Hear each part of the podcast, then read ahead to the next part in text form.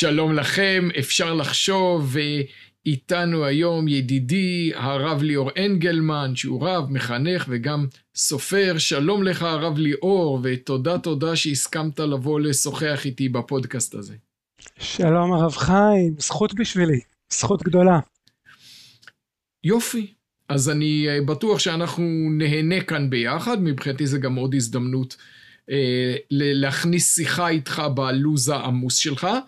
ואתה יודע, אנחנו ממש אחרי אה, בחירות, הבחירות אה, מספר מי יודע כמה, שנת תשפ"ג 2022, ואולי קודם כל נתחיל אה, בשאלת, בשאלה האם בכלל רצוי שנקיים את השיחה הזאת. כלומר, על היחס בין רבנים לפוליטיקה, שיש דורשים אותו לשבח ויש דורשים אותו לגנאי, והאמת שאני אף פעם לא בטוח עד הסוף איך להתנהל בתחום הזה. אני אומר לך, באופן, באופן תיאורטי, יש הבחנה שקל לי לעשות אותה, וזה לומר שביושבי כרב, אז יש לי מה להגיד על התחום הערכי של הפוליטיקה, אבל לא בהכרח על התחום המעשי שלה. כלומר, אני יכול לתת עצה או אמירה לפוליטיקאי, האם הוא צריך לעמוד בדיבורו? אה, האם מבחינה ערכית ראוי לסגור את מערכת החינוך בתקופת הקורונה? נגיד שיש לי משהו לומר על זה.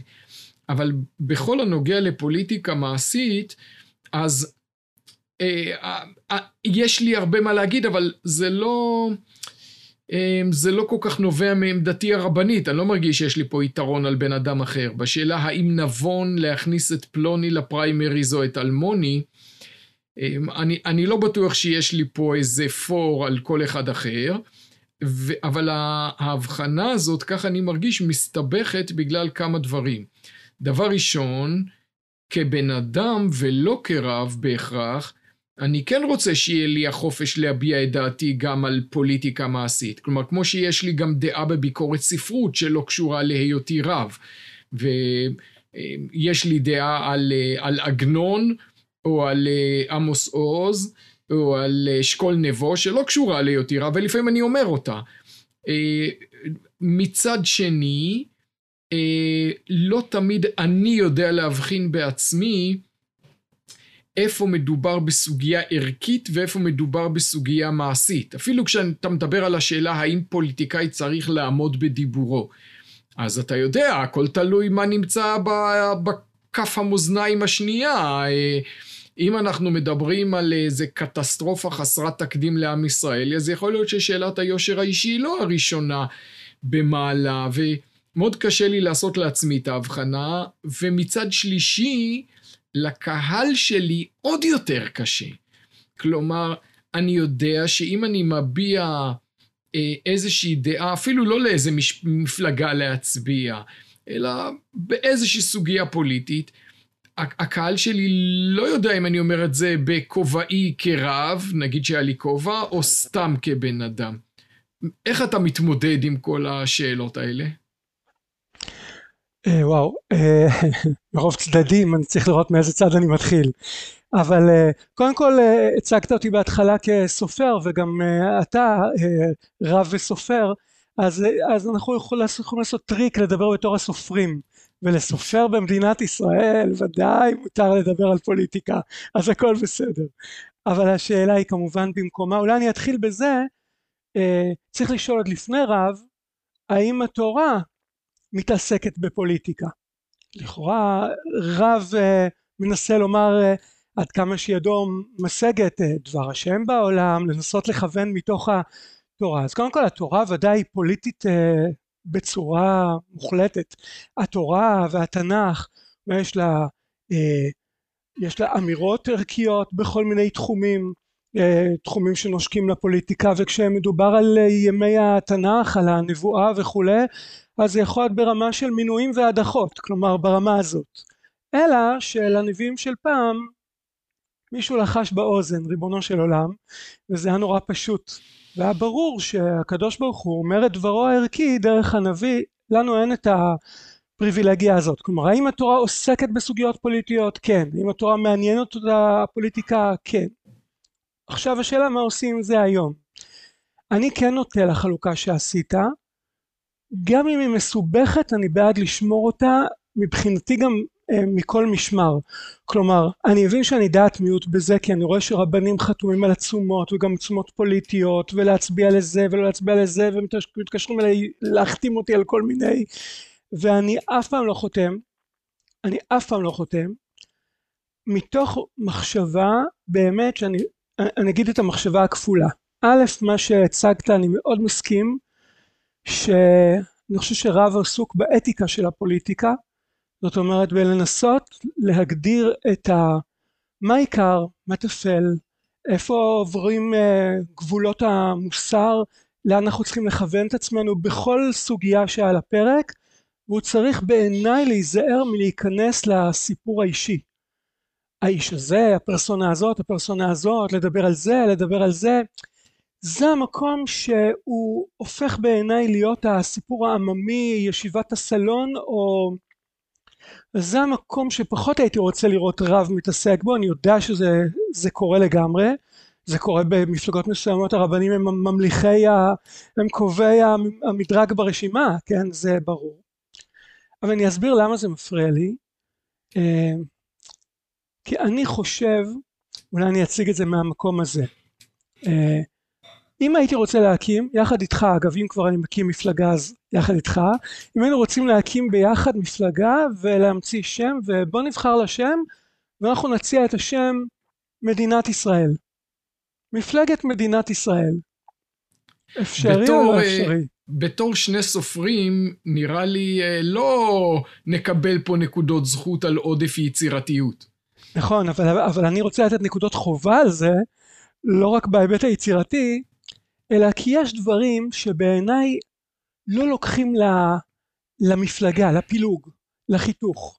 לי לא בא שיהיה מישהו שיצביע בעד מדינת ישראל ויש מישהו שיצביע נגד מדינת ישראל. בגלל זה גם לא אהבתי את הביטוי המחנה הציוני וגם לא את הציונות הדתית. ויש דברים שבעיניי הם צריכים להיות מטריה כללית ואתה רוצה לבטא אה, משהו להדגיש משהו זה בסדר גמור אל תגנוב את הכללי לכולם במובן הזה לי מרגיש שרב ברגע שהוא נהיה מפלגתי הוא נהיה של הליכוד, הוא נהיה של העבודה, הוא נהיה של כל מיני מפלגות, אז הוא כבר לא מבטא משהו כלל ישראלי.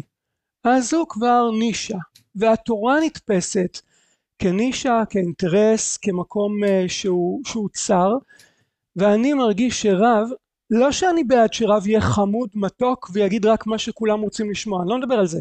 מבחינתי רב יכול להיות תקיף ולומר דברים שקשה לשמוע אבל לא למקם את עצמו במפלגה מסוימת במה ששייך לסקטור מסוים מקום מסוים הגדרה מסוימת מאוד.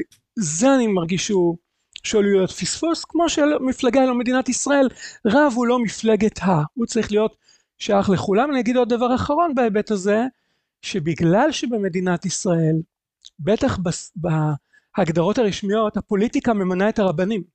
הפוליטיקה ממנה את הדיינים ממנה את רבני העיר. כלומר יש תלות של רב בפוליטיקאים אז זה מקום מאוד עדין הרבה פעמים. הקשר הזה ומתי אתה נקי ומתי אתה מחניף. ולכן אני חושב שזו זירה שצריך להיזהר בה. גם במישור המקומי אני חושב את זה גם במישור הארצי. אז אני אה, אני לא אגיד אערער, אבל אני אציג אולי גישה קצת שונה לשני כיוונים הפוכים ממה שאתה אומר. אה, קודם כל אני אגיד במישור המעשי, שאני שותף להלך הרוח שלך, ובכל זאת אני מוצא את עצמי מבטא עמדות פוליטיות אה, יותר מפורטות ממה שאתה מזהיר אותנו, אבל אני עושה את זה באמת לא כרב, כלומר כבן אדם שיש לו הרבה מה להגיד, אני, אני אתוודה בפניך ובפני מאזיננו שאני אדם שעושה הרבה דברים, אני כותב בעיתון, אני כותב ספרים, אמ, אני כותב בפייסבוק, ואני אודה בפניך שזה לא שישבתי בגיל 20 או 30 ואמרתי, המימוש המעולה של שליחותי הרבנית יהיה להיות שליח הרבי בפייסבוק. אלא שאני הרגשתי ועדיין אני מרגיש בתוכי שיש לי צורך לעשות הרבה דברים. אני משתדל בכולם לעשות דברים טובים, ואני מקווה שאיכשהו לקדם ערכים ורעיונות שאני מאמין בהם, אבל אני אף פעם לא הרגשתי שנוח לי לשבת רק על, ה, על הכיסא של רב. אמ, אני, אני התחלתי לכתוב בעיתונים עוד לפני שהייתי רב, ואחר כך גלשתי בתור הרב להיות הרב שכותב בעיתון, והתחושה שלי הייתה שלפני, היא עדיין, שלפני עשרים שנה הציבור לא כל כך ידע איך לאכול את זה, אה, והיום הציבור יותר אוהב פיוז'ן, אנשים שהם גם וגם וגם. ולכן אני אומר שבלי שאני מערער על, ה...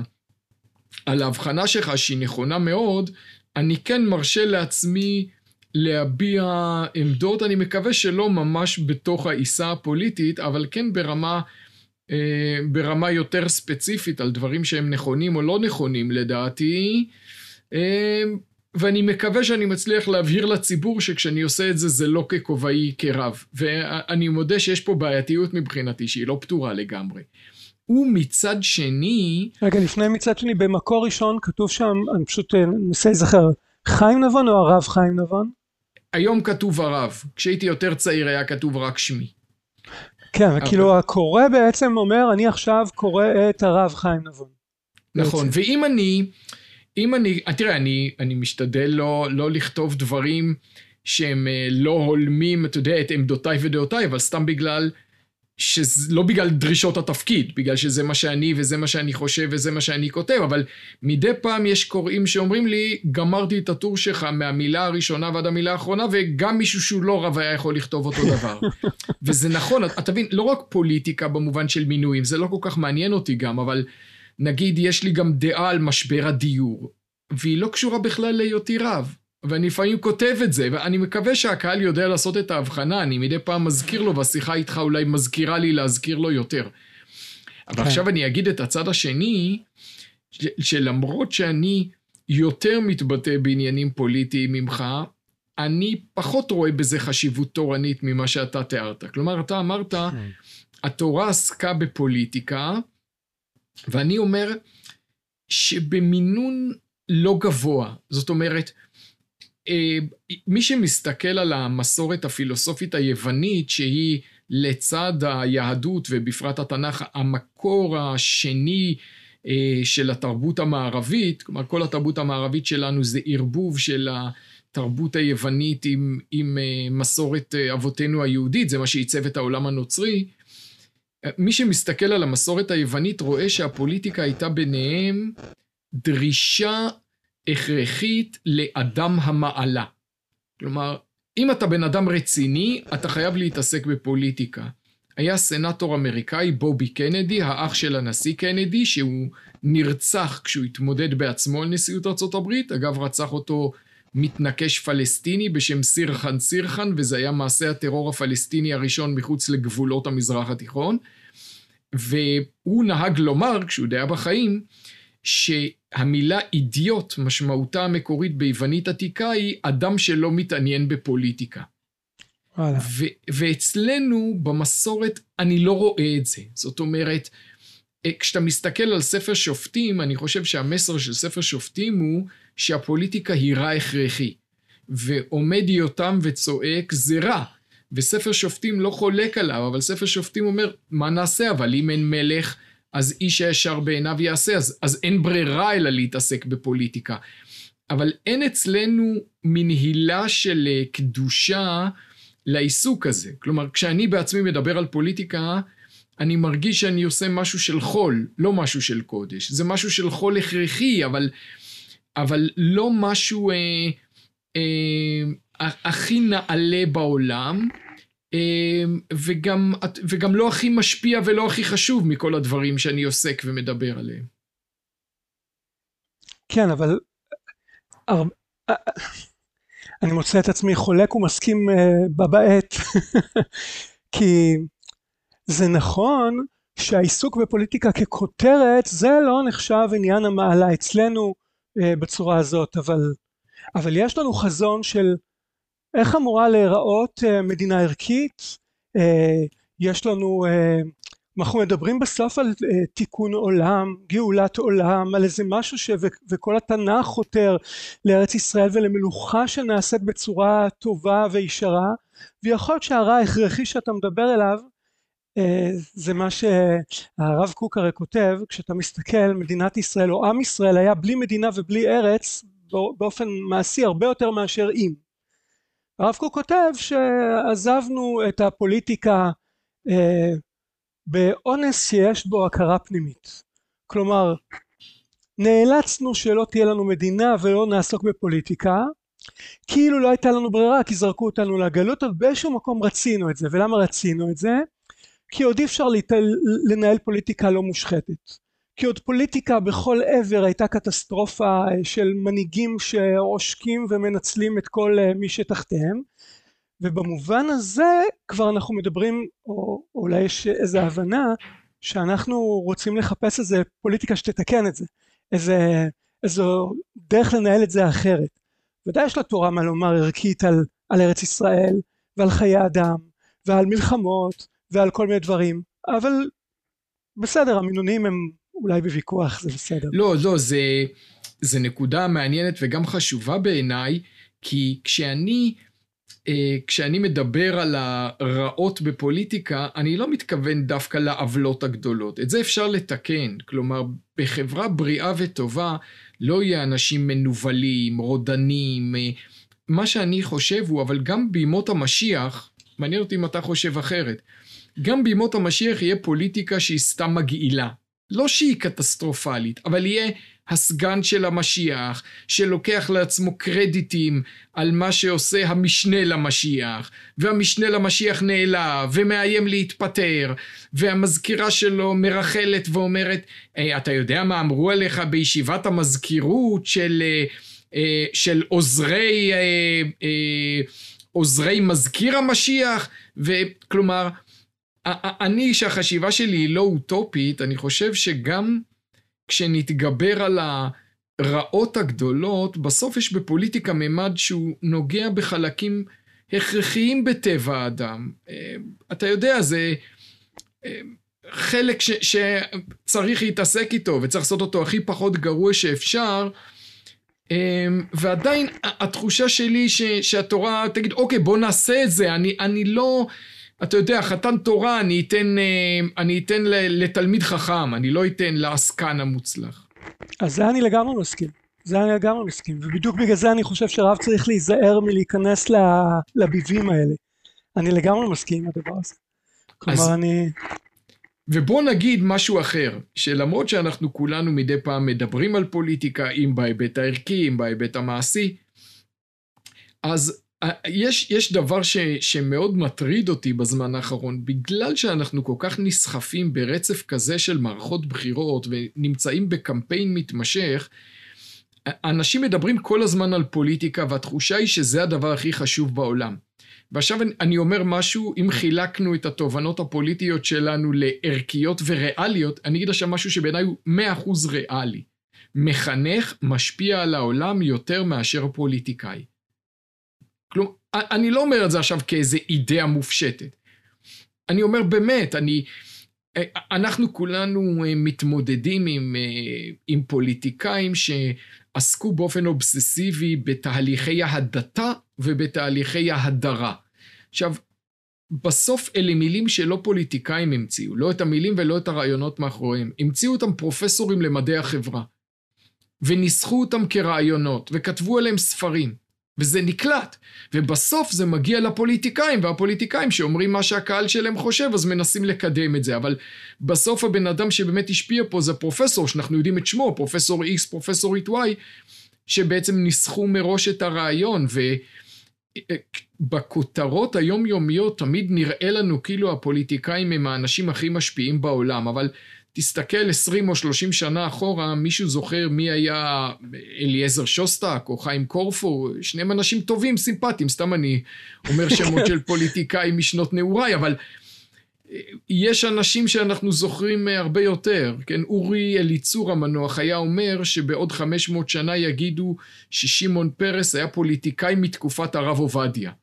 ואני חושב שהוא צודק. כן. אפילו אורי אורבך, אני חושב, שייזכר אורי אורבך הסופר יותר מאורי אורבך השר, אף שהיו לו זכויות בתור שר. כי אורי אורבך הסופר הוא השפיע תודעתית. יותר מאורי אורבך השר, לטעמי, להבנתי. אה, אה, אני מסכים מה שאתה אומר ואני אקח את זה עוד צעד, אבל קודם, קודם לגבי מה שאמרת, אה, אני חושב שכל הדברים הטובים או כל הרעות החולות אם נעביר בראש אפילו במדינת ישראל שקרו uh, על ידי מנהיגים זה כי, כי מישהו פמפם את זה ערכית. תקשורתית אבל גם תקשורת היא מחנכת. תקשורתית ערכית מישהו הרגיל מחשבה מסוימת ואז זה יתאפשר לכאן או לכאן בכל כיוון שהוא. זאת אומרת במובן הזה ודאי אני חושב אה, שמחנך פועל הרבה יותר ולכן אגב אני חושב שרב צריך להיזהר מהמקום אם חוזרים אחורה לרגע המקום של העיסוק האישי הפוליטי הוא לא מקום ההשפעה המרכזי של רב כי רב בעיניי הוא מחנך יותר ולכן עדיף לו לעסוק בזירה הזאת אבל יש בזה עוד נקודה בעיניי. נקודה לכאן ולכאן רגע לגבי העיסוק של הציבור הרחב האובססיבי אה, בפוליטיקה במדינת ישראל כן האובססיבי לגמרי. אה, יש בזה משהו שהוא פוטר אותי האיש הקטן כאילו מאחריות. בגלל שאם כל הרעות או כל הטובות נמצאות שם במאה העשרים חברי כנסת והם בסופו של דבר יחליטו את מה שהם יחליטו יעשו לכאן רע ולי נשאר רק לכעוס עליהם או אז בסופו של דבר אני משוחרר. לטוב או לרע אני משוחרר. אני משוחרר ואני גם חסר ערך בגלל ששם זה נקבע ומה ואני חושב שזה אחד הדברים הכי הכי גרועים שאדם יכול לעשות לעצמו להטיל את, ה, את האחריות ואת המשמעות אה, במעשיו של מישהו אחר. אני אחראי לגורלי אני יש לי את היכולת להשפיע על עמי בדרך שלי במעט שלי באופן הזה. כל אחד אני לא מדבר עכשיו על מחנכים אני מדבר על כל אדם וברגע שאתה בא באיזה תחושה כזאת שאני בובה ואלה שמשחקים בחוטים מלמעלה הם האדונים וזה מה שחשוב ולכן אני אדבר על מחזיקי החוטים אז אני באמת נעשה בובה חסרת ערך במידה רבה. לכן אני חושב ש... שבאמת המינון של עיסוק פוליטי במובן הזה של מה קורה שם מה קורה שם מה קורה שם הוא בעיניי מפוספס מאוד הוא, הוא קיצוני ב... הוא קיצוני באופן הזה ו... ואני חושב שאפשר לעשות את זה. אגב כן אתה, אתה כותב גם אני כן לא כותב טור מפורסם כמו שלך אני כותב בעיתון בשבע אני כמעט לא כותב פוליטיקה כמעט בכלל גם לא אתיקה של פוליטיקה. אני כמעט כותב רק על, ה, על היום יום והאישי וה, והמשפחתי והמקומות האלה מתוך מחשבה שזה המקום של להחזיר הביתה את, ה, את האחריות, את החיים, את המקום הזה. אה, ואני חושב שיש מצד שני, הצד השני של המטבע, זה שיש משהו קסום, שכל האנשים במדינת ישראל נורא מעניין אותם לשמוע חדשות. כאילו זה נורא אכפת לנו. כי זה הופך אותך לאדם שלא תקוע רק בתוך עצמך, אלא מתעניין. הייתי מעדיף שההתעניינות לא תהיה באמת במסדרונות הפוליטיים, כי זה צר מדי בעיניי, אבל זה, זה יקר בעיניי שאנשים חשוב להם לשמוע מה קורה, מה קורה, מה קורה הוא טוב. אני מבין מה אתה אומר, אני פעם הייתי בקנדה, ושאלתי את המארח שלי, יהודי קנדי, אני לא אגיד באיזה עיר, מי ראש העיר שלו? הוא אמר לי, לא יודע. וואו. מה, וואו. מה, מה אכפת לי? אז אה, במובן הזה, אני מאוד מבין מה אתה אומר, אבל מצד שני אני חושב שההתעניינות הזאת בסך הכל שכרה יוצא בהפסדה. כלומר, אתה דיברת על זה שאנשים מרגישים שבאמת אין להם מה להשפיע והם פטורים משיפוט מוסרי. אני חושב שזה עוד יותר גרוע. אנשים חושבים שהם נמדדים מוסרית לפי העמדה הפוליטית שלהם. ושאם הם מצדדים בעמדה הנכונה, אז זה בעצם הופך אותם לאנשים טובים, ולפי זה הם נשפטים, לא לפי ההתנהגות האמיתית שלהם. וכיוון שבישראל של השנים האחרונות אז הפוליטיקה הפכה למין משחק דמוני ממגילות מדבר יהודה בין בני האור לבני החושך, שכל אחד משני הצדדים בטוח שהוא בין האור והשני בין החושך. והצד שלנו צודק. כן, ואתה... אז, אה, אז אנשים באמת מנקזים, זה לא רק שהם אומרים, מה אני אעשה, אני פיון קטן. הם מרגישים שבעצם העובדה שהם הצביעו לצד הנכון, זה הופך אותם לטובים, וזה העניין העיקרי שהם, אה, שהם נמדדים בו. כלומר, אתה יודע, כשמישהו אה, כותב דברים איומים ונוראים על תושבי יצהר, אז אני אומר, תקשיב, זה המקום עם שיא עולמי בתרומות כליה לבן אדם זר.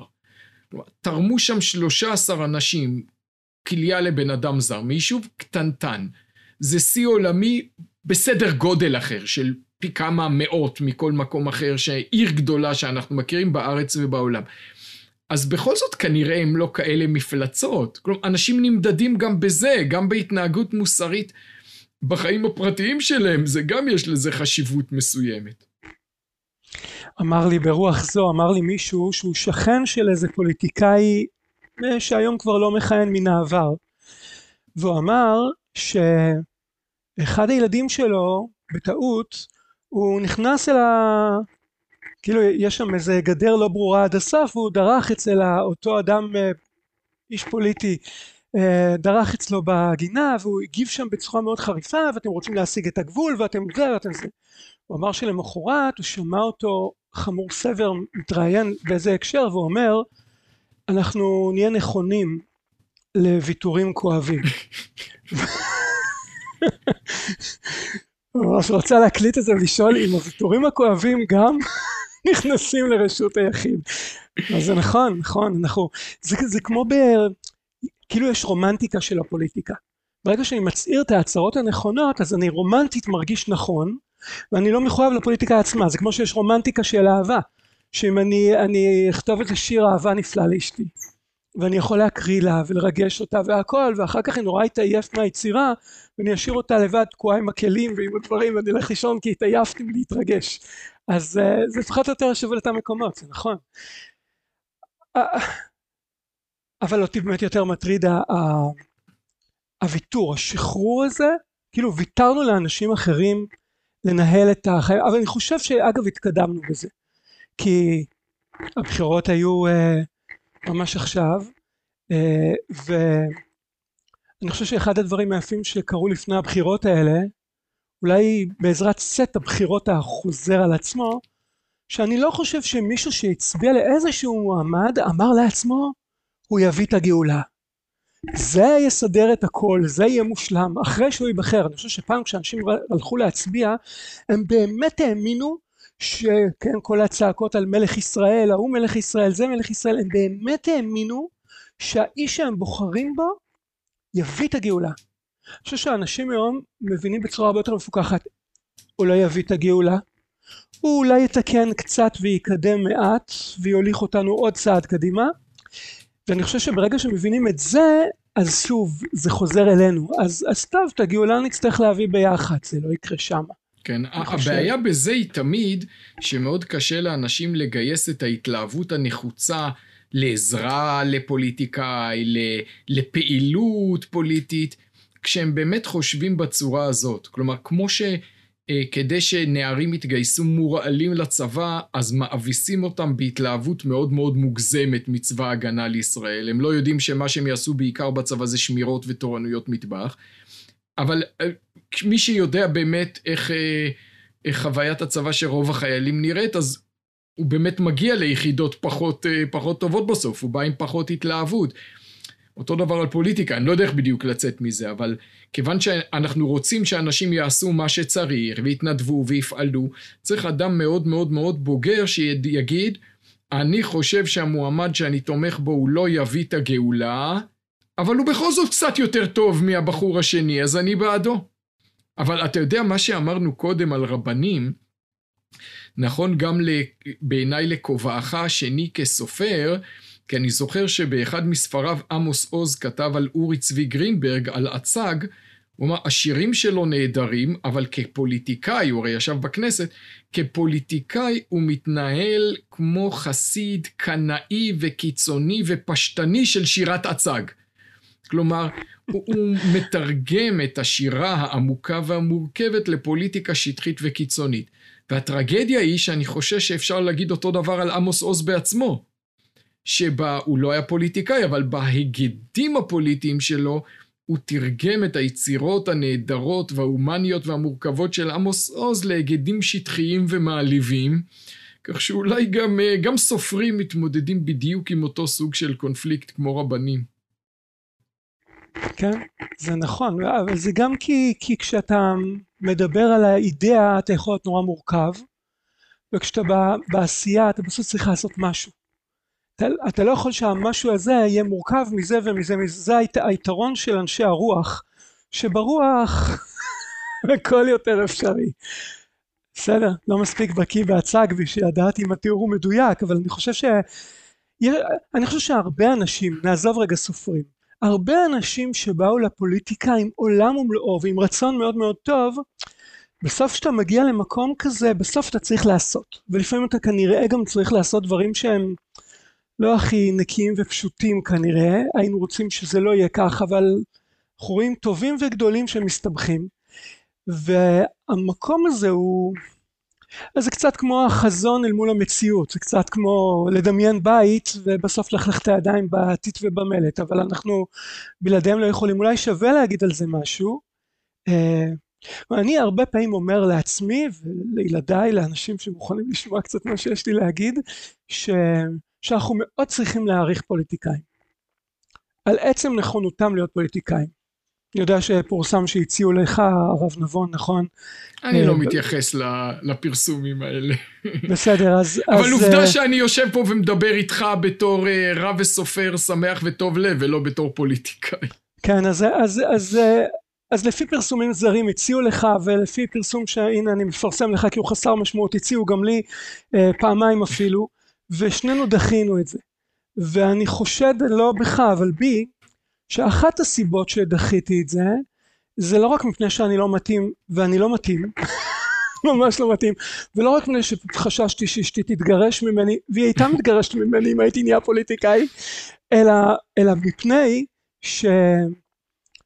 שאני חושב שזה מחיר מאוד קשה מאוד קשה מאוד מלכלך מאוד uh, מסאב מאוד מאתגר להישאר בן אדם גם ועם מסירות מאוד גדולה. וכמעט שיגידו לי אנשים מה זה מלא כבוד ומצלמים אותך. אז לא יודע תראו לי איזה פוליטיקאי במדינת ישראל שסיים את הקדנציה עם כבוד. אני לא מכיר הרבה שסיימו את זה עם כבוד.